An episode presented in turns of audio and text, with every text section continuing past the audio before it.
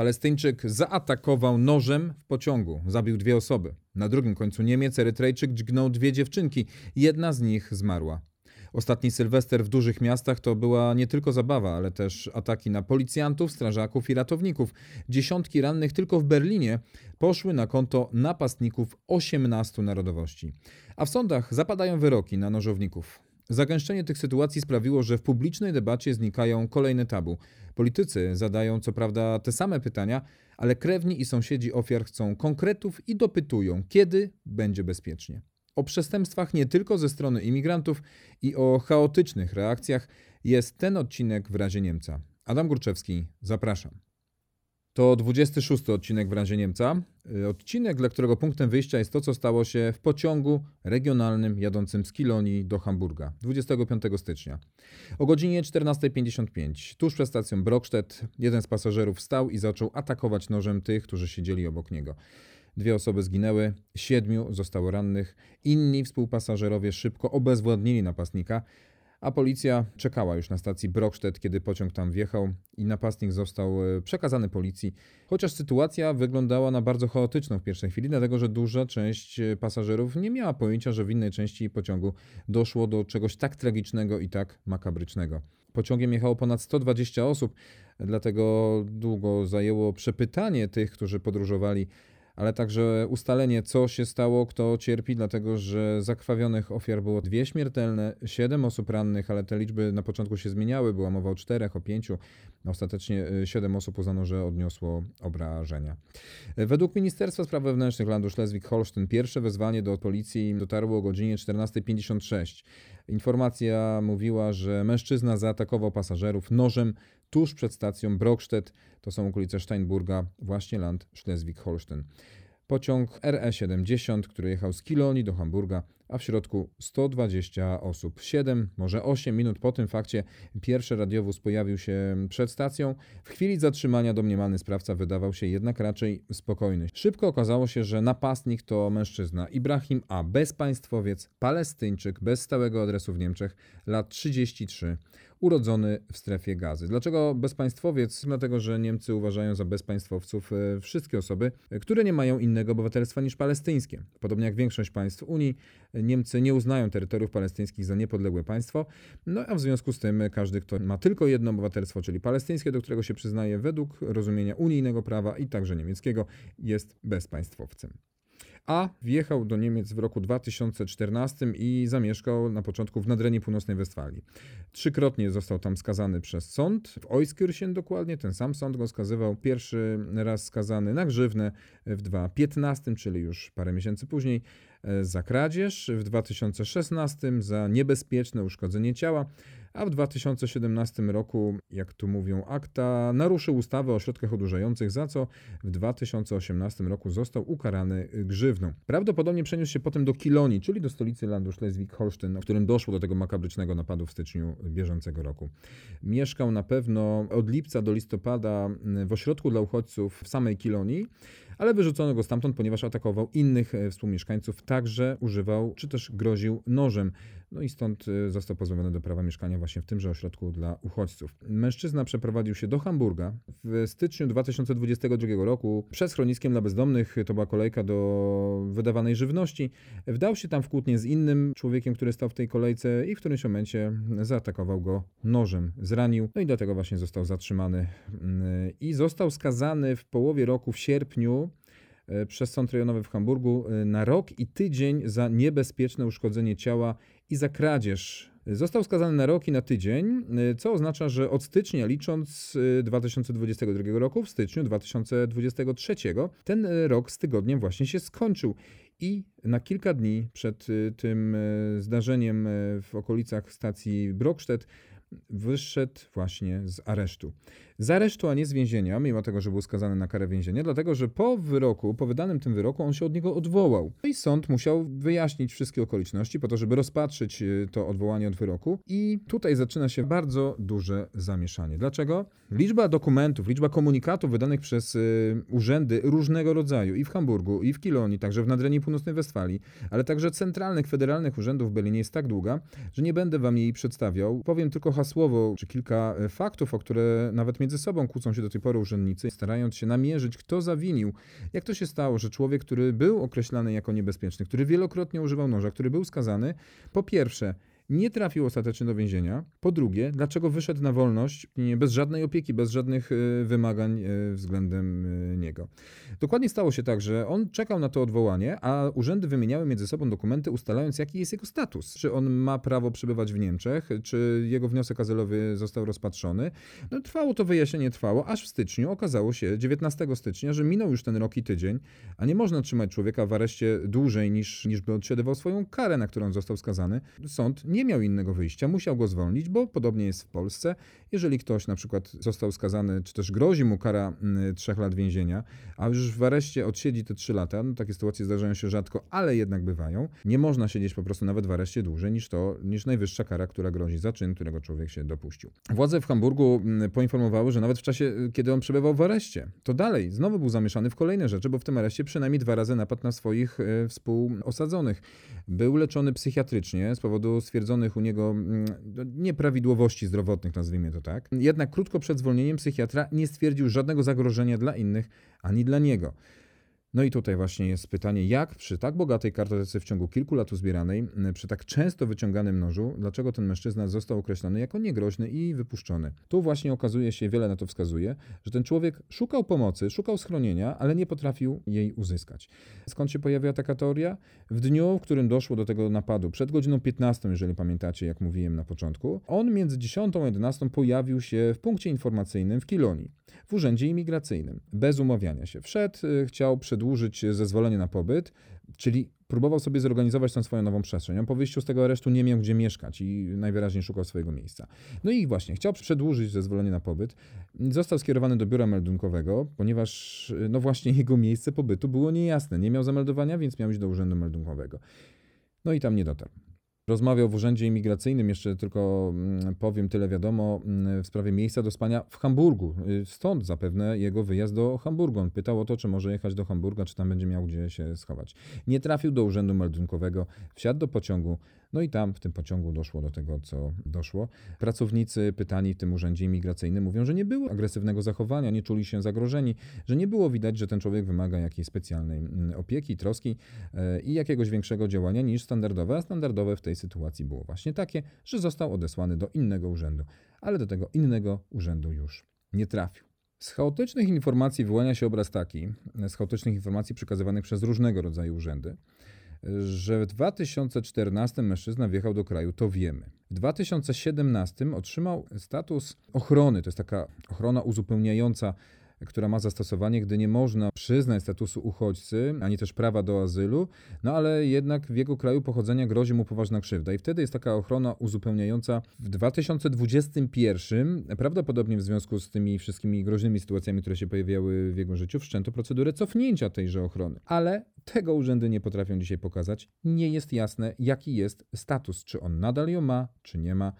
dlatego że urzędy między sobą zaczęły go szukać. Osoba o takim statusie, jaki ma właśnie Ibrahim A, powinna być zobowiązana do opuszczenia kraju. No i tutaj zaczęło się sprawdzanie, pytanie dziennikarze zaczęli ustalać, że tak naprawdę od kilku lat do Palestyny ludzie, którzy są bezpaństwowcami, którzy są z Palestyny, mimo największych przestępstw, które popełniają na terenie Niemiec, nie są odsyłani to nie dotyczy oczywiście tylko Palestyny, są inne kraje, które nie współpracują, ale nie są ci ludzie odsyłani do swoich krajów pochodzenia.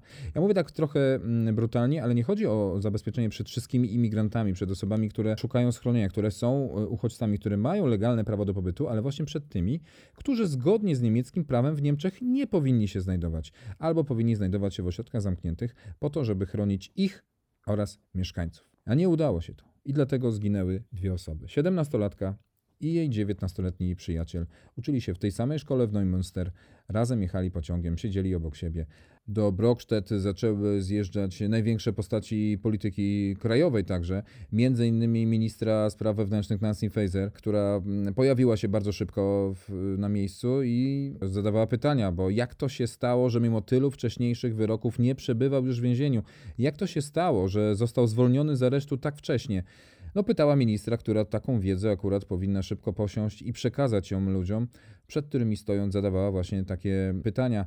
Były też oczywiście zapowiedzi, że ta sprawa zostanie wyjaśniona po to, żeby na te pytania móc odpowiedzieć. Kolejne dni jednak przynosiły takie informacje, jak na przykład ta, że burmistrz Kiloni mówił, że mogę powiedzieć, że o zatrzymaniu dowiedzieliśmy się nie od razu w styczniu, nie w marcu, ale po raz pierwszy w maju 2022 roku. Chodzi o to, że urząd w Hamburgu z kolei nie wysłał dokumentu do Kilonii. Urząd w Hamburgu twierdzi, że wysłał. Urząd w Kilonii, że nie dotarł. Dokumenty zaginęły gdzieś po drodze. Władze imigracyjne nie przekazały w związku z tym informacji także do Federalnego Urzędu do Spraw Migracji i Uchodźców, y, tego, który ma siedzibę, mm, do tego centralnego, y, który ma siedzibę w stolicy, y, mimo że tam toczyło się już postępowanie właśnie o odebranie statusu ochronnego, o którym mówiłem wcześniej. No ale ten proces utknął w martwym punkcie, ponieważ do Urzędu Federalnego nie dotarły informacje o tym, gdzie jest mężczyzna i nie można go było przysłuchać. To oznacza, mówiąc krótko, że mężczyzna, który był na sali sądowej, który był aresztowany, był zatrzymany, spisany, który pojawiał się na rozprawach sądowych, był na, nich, był na nie doprowadzany, który złożył, co więcej, sam jeszcze skomplikował, czy też zaznaczył bardziej swoją obecność, składając odwołanie od wyroku, ten mężczyzna był niezauważalny przez Federalny Urząd Imigracyjny. Natomiast lokalne władze postanowiły dość szybko zareagować, konkretnie bardziej, e, i już w środę 1 lutego, czyli ledwie tydzień po tym e, ataku w pociągu Komisja Spraw Zewnętrznych i Prawnych Parlamentu Landu Schleswig-Holstein zajęła się tym śmiertelnym atakiem e, w pociągu koło Brockstedt. 10 punktów, gdzie kluby parlamentarne CDU Zielonych, czyli tych dwóch partii, które rządzą landem, to po prostu stwierdziły, że są listę zadań do wykonania. To, co trzeba teraz zrealizować, żeby zapewnić większe bezpieczeństwo ludziom. Więc po pierwsze, tworzenie no i tu chyba od razu trafimy do naszego mm, kącika językowego. Die Gewalt Ambulance to jest y, przychodnia dla ofiar przemocy. Ja tak czasami staram się wrzucić niektóre słowa też y, do tłumacza Google, żeby sprawdzić, y, jak wygląda to tłumaczenie, i tutaj to tłumaczę jako brutalna przychodnia. To nie, to raczej jest przychodnia, ambulatorium, miejsce, w którym udzielana jest pomoc dla ofiar tej brutalności a nie ta przychodnia właśnie jest y, brutalna. Tworzenie takich Gewaltambulanz na wzór bawarski, bo to Bawaria między innymi prowadziła takie punkty, które zaczęły działać. Kliniki uniwersyteckie też uruchamiają takie miejsca, w których właśnie ofiary przestępstw y, brutalnych, takich y, mogą uzyskać pomoc. Tam się odbywają na przykład badania kryminalistyczne, dokumentuje się obrażenia, zabezpiecza się dowody na ciele, na ubraniu. Prowadzone są także kolejne badania, na przykład chemiczno-toksykologiczne. No i też to jest bardzo ważne, na koniec po tym wszystkim takim jakby cielesnym potraktowaniu człowieka i zebraniu tych śladów, które mogą pomóc. To są też y, porady, mediacje w sprawie dalszej opieki, na przykład organizacje, które wspierają ofiary, poradnie prawne, ale też lekarze specjaliści, bo w niektórych przypadkach także takie są osoby potrzebne. Gewalt Ambulance przychodnia dla ofiar przemocy, tak to możemy przetłumaczyć. To jest pierwszy z tych punktów. Wrócę do tej listy przygotowanej działań konkretnych e, przez polityków lokalnych. Kolejne e, punkty to więcej personelu dla prokuratur i dla sądów w celu przyspieszenia postępowań karnych. Więcej personelu i pieniędzy na ochronę ofiar.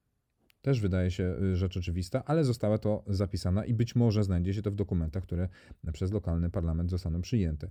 Budowa państwowych obiektów przejściowych dla przestępców bez stałego adresu. Czyli dokładnie to zostało się w przypadku Ibrahima A.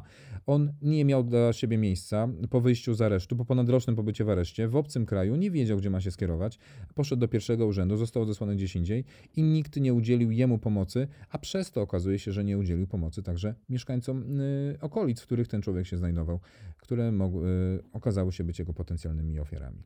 Pieniądze na szkolenia antyprzemocowe, lepszy dostęp do informacji między organami. No, ja wiem, że niektóre z tych zapisów są takie no, oczywiste, ale być może bez nazwania i bez wspomnienia tego nie da się tego zrealizować. Poprawa usług rehabilitacyjnych. Niezależne Centrum Doskonalenia w zakresie oceny kryminalistycznej. No i tutaj należy także mm, zastanowić się nad tym, czy nie warto rekrutować zagranicznych specjalistów, od psychiatrii na przykład. Chodzi o to, że łatwiej jest dotrzeć do takich osób, które przyjeżdżają z innego kręgu kulturowego, jeżeli osoba będzie z nimi pracowała, która właśnie mm, jest specjalistą nie tylko medycznym, ale też i zna kulturowe uwarunkowania i zna język y, i łatwiej będzie pomóc takiemu człowiekowi właśnie przy leczeniu, przy leczeniu psychiatrycznym, jeżeli będzie miał swojego rodaka kogoś, komu będzie pewne rzeczy potrafił opisać i bariera językowa i kulturowa nie będzie problemem. Lepsza współpraca między mm, krajami w zakresie zwolnień z więzień, szybkie zgłaszanie wyroków skazujących zatrzymań i dochodzeń. Nie wiem, ile mogę bronić jeszcze polityków. To są rzeczy, które powinny być oczywiste, że taka współpraca między landami powinna następować, między urzędami powinna następować. Dobrze, że politycy się orientują i mm, sobie pewne rzeczy uświadamiają. I ostatni punkt z tej listy to jest ogólnokrajowa, jednolita definicja pojęcia poważne przestępstwo. Dlatego, że to, co w jednym landzie może być poważnym przestępstwem, w innym nie jest i nie jest w związku z tym zgłaszane na przykład do urzędów odpowiednich, które mogą wtedy lepiej zareagować, zapewnić lepszą opiekę. To są pomysły CDU Zielonych. Opozycja, czyli między innymi SPD uznały, że to jest po pierwsze za wcześnie na wyciąganie wniosków, trzeba najpierw wyjaśnić wszystko dookoła. Inni twierdzą, że z kolei FDP, że dziesięciopunktowy ten dokument ignoruje w sumie problem, bo kluczowe znaczenie ma konsekwentne zarządzanie powrotami do krajów osadzenia. I to jest właśnie mm, jeden z tych wątków, który ma bardzo duże znaczenie w polityce ogólnoniemieckiej, że problem jest, y, to już wspomniałem kilka minut temu, że te osoby nie trafiają do swoich krajów pochodzenia w momencie, kiedy powinny tam zostać odesłane. Pojawiły się też inne propozycje, już nie będę mówił kto za nimi stoi, bo to różni politycy je zgłaszali, na przykład odpowiednie oświetlenie na dworcach kolejowych i w strefach zagrożenia jedna z minister chce, żeby sprawdzić, czy w pociągach można y, zainstalować takie przyciski do tak zwanego cichego alarmu. Czy w tej sytuacji by to komuś pomogło? Nie wiadomo. Y, darmowe przejazdy pociągami dla umundurowanych policjantów. Oni mieliby się zgłaszać do obsługi pociągu, do kierownika pociągu, do konduktora i wtedy mogliby mm, jechać jako takie zabezpieczenie. Coś na kształt tego, co dzieje się w samolotach. Nie wszyscy zdajemy sobie z tego sprawę, ale często na pokładach samolotów są ludzie, którzy odpowiadają za nasze bezpieczeństwo y, na pokładzie tegoż samolotu i podobnie miałby się dać na pokładzie pociągu, że ktoś, kto właśnie czuwa nad bezpieczeństwem, mógłby wtedy szybciej reagować. Czy jest o czym mówić? Czy takie potrzeby akurat są? Akurat w pociągach, że to jest bardziej niebezpieczne miejsce niż gdzieś indziej? Tylko w roku 2022 na dworcach, pociągach i na lotniskach, czyli w tych miejscach związanych z dużym przemieszczaniem się ludzi, doszło do 336 ataków nożem. Ja nie mówię w ogóle o atakach, ale o atakach nożem. To oznacza, że prawie każdego dnia średnio i jedna taka mm, akcja się odbywała. A jeżeli mówić w ogóle o użyciu noża, który jako okazuje się być groźną i aktualną bronią, w 2020 roku było 20 tysięcy takich ataków. Ofiar śmiertelnych było 100. A czy w ostatnim czasie też tak się dzieje? Miesiąc wcześniej doszło do tragedii mm, na południu, tym razem Willer Kirchberg. Erytrejczyk, 27-letni, zaatakował dwie dziewczynki w drodze do szkoły. 14-latka zmarła, 13-latka ciężko ranna. Mężczyzna zaatakował dziewczynki. Y, one były w drodze do szkoły, a on był w pobliżu budynku, w którym mieszkał. Policja szybko trafiła do tego mieszkania, w którym on się skrył. Y, tam było trzech mężczyzn, dwóch y, potem zwolniono. Jeden z tych mężczyzn, który był podejrzany, to też byli uchodźcy. Sam fakt tego, że został podejrzany o to, że mógł zaatakować te dziewczynki, prawdopodobnie to było przyczyną tego, że popełnił samobójstwo. 25-letni młody mężczyzna odebrał sobie życie w związku z tym prawdopodobnie, że właśnie był podejrzewany o to, że mógł zrobić coś złego. W Iller szybko doszło do spotkania mieszkańców z urzędnikami. No i urzędnicy mm, zachowali się długie tyrady, zapewnienia, wskazania, że Iller Kirchberg to przecież bezpieczne miejsce, to jest sytuacja jednostkowa. Nie uspokojono mieszkańców, mieszkańcy właśnie nie wiedzieli, co E, jak sobie poradzić z tą sytuacją? Ojciec e, zabitej dziewczynki zaproponował, żeby ten sypiący się budynek, w którym mieszkał napastnik, zburzyć i żeby tam była łąka. Jego dwójka pozostałych e, dzieci boi się tamtędy przechodzić, żeby ludziom to miejsce nie kojarzyło się właśnie z tym atakiem. Może jakiś taki mały gest. A burmistrz odpowiedział, no nie wiem, czy procedury na to pozwolą, zobaczymy, co da się zrobić. Taka mniej więcej była odpowiedź, tak przekazywały to lokalne media, dodając do tego, że rozczarowanie mieszkańców było duże. Gazety sobie zadały trud, na przykład ja mam przed sobą listę 31 dni stycznia z pokazaniem, że każdego dnia dochodzi do jakiegoś ataku nożem gdzieś. Nie będę czytał oczywiście dzień po dniu, może samą końcówkę wam powiem. 29 stycznia 43-latek z Gany zaatakował swoją byłą mm, partnerkę w Hamburgu. Ciężko rana trafiła do szpitala tego samego dnia. Wieczorem nieznany mężczyzna, wiemy tylko, że miał 30 do 40 lat, był wysoki, zaatakował kobietę w Wiesbaden. Ona się y, obroniła, uciekła, mężczyzna nie został zatrzymany. 30 stycznia, czyli dzień później, do domu ponad 70-letniej pary wdziera się mężczyzna lat 54. Ciężko porani oboje gospodarzy. Potem został zatrzymany. To akurat był rdzenny Niemiec. 31 stycznia dwóch mężczyzn się kłóci, jeden z nich sięga po nóż. 60-letni atakuje swojego niewiele e, starszego kompana. Ofera trafia do kliniki. Tutaj też mamy Niemca. Panowie byli pod wpływem różnych substancji, dlatego być może udało się to złapać.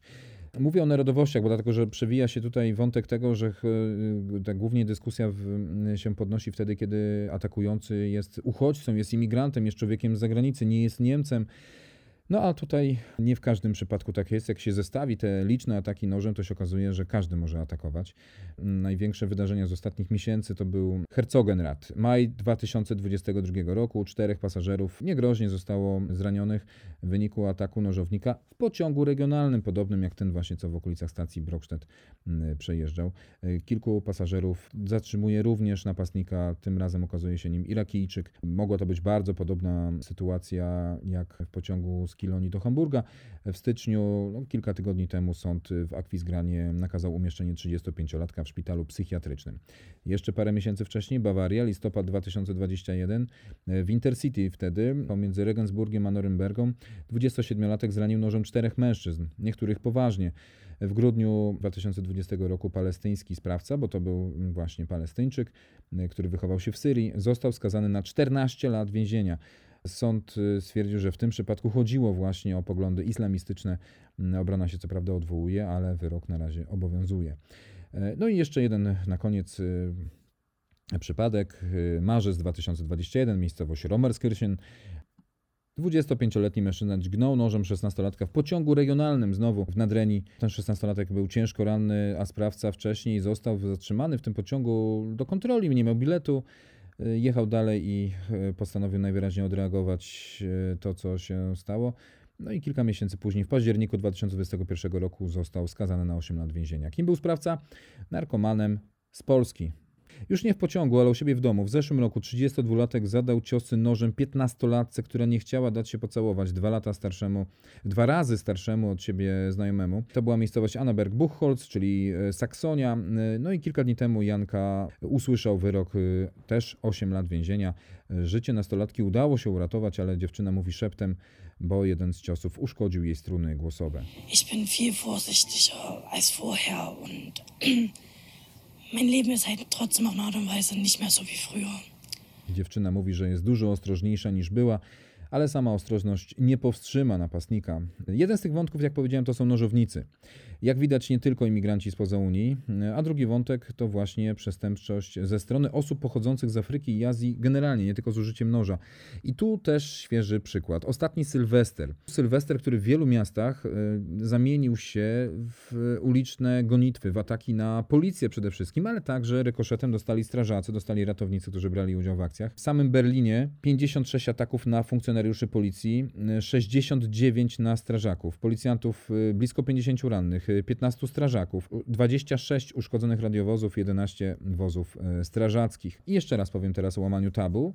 Na przykład CDU w Berlinie postanowiła zapytać o imiona Oczywiście politycy innych frakcji powiedzieli, że to populizm. SPD, Zieloni, Lewica oskarżyli właśnie Hadeków o to, że pytają o takie rzeczy, mm, które nie powinno się pytać. Dlaczego? Dlatego, że wśród 145 tymczasowo aresztowanych podejrzanych było 45 Niemców, a pozostała setka to byli reprezentanci 17 innych narodowości.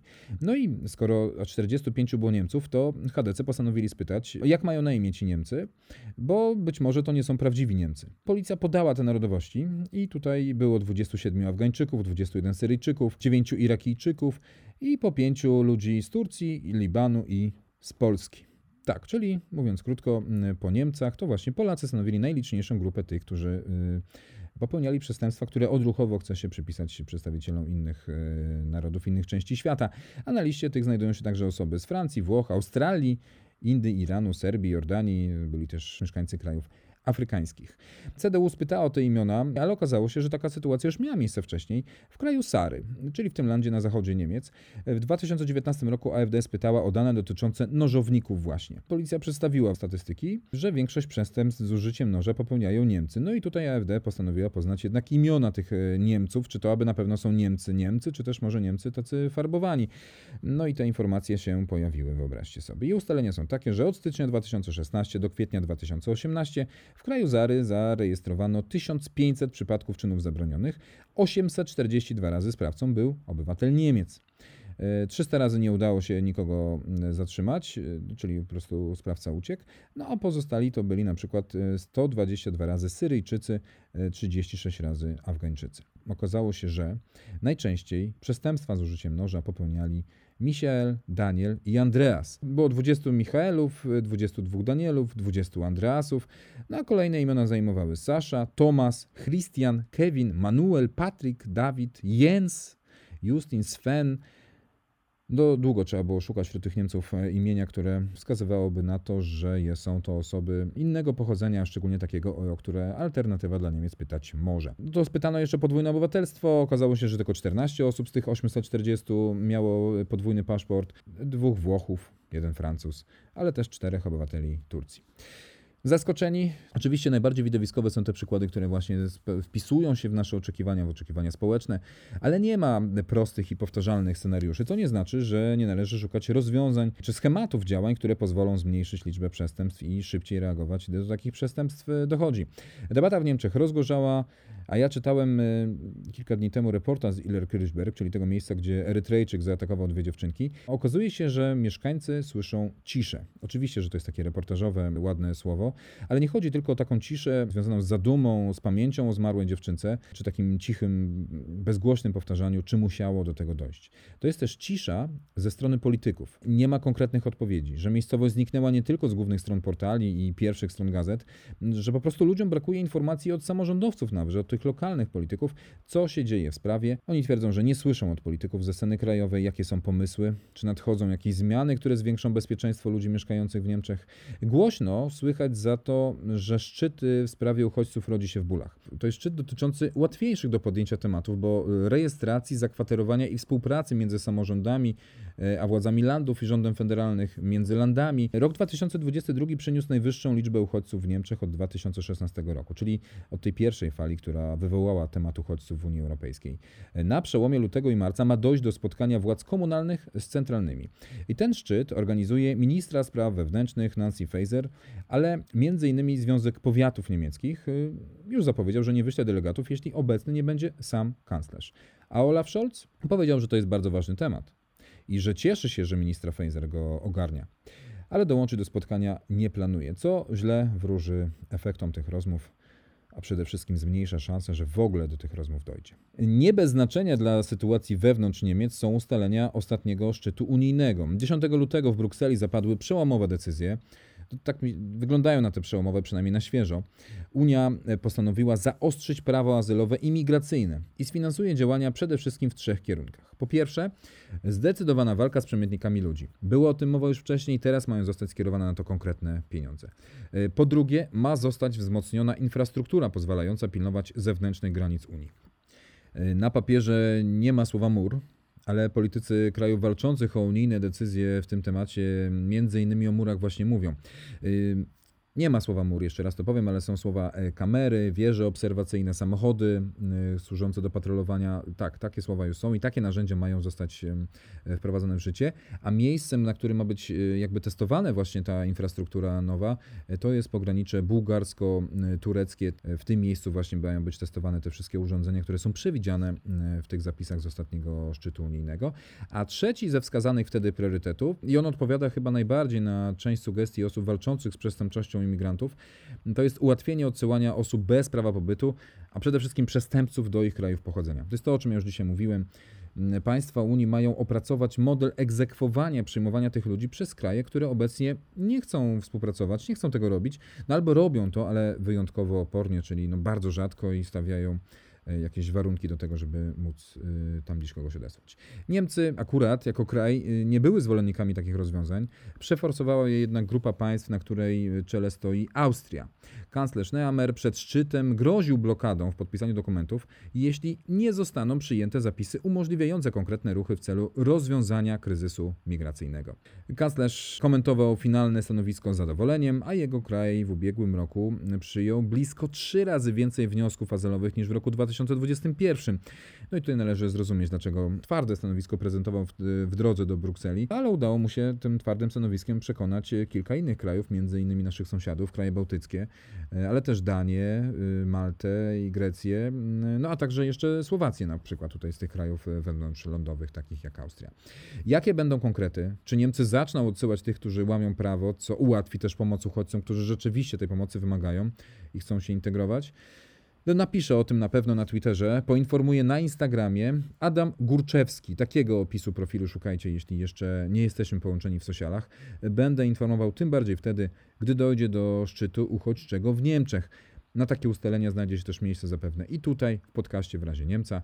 Dziękuję za to, że byłaś, za to, że byłeś do końca tego 26 odcinka. Zapraszam na kolejny. Do usłyszenia.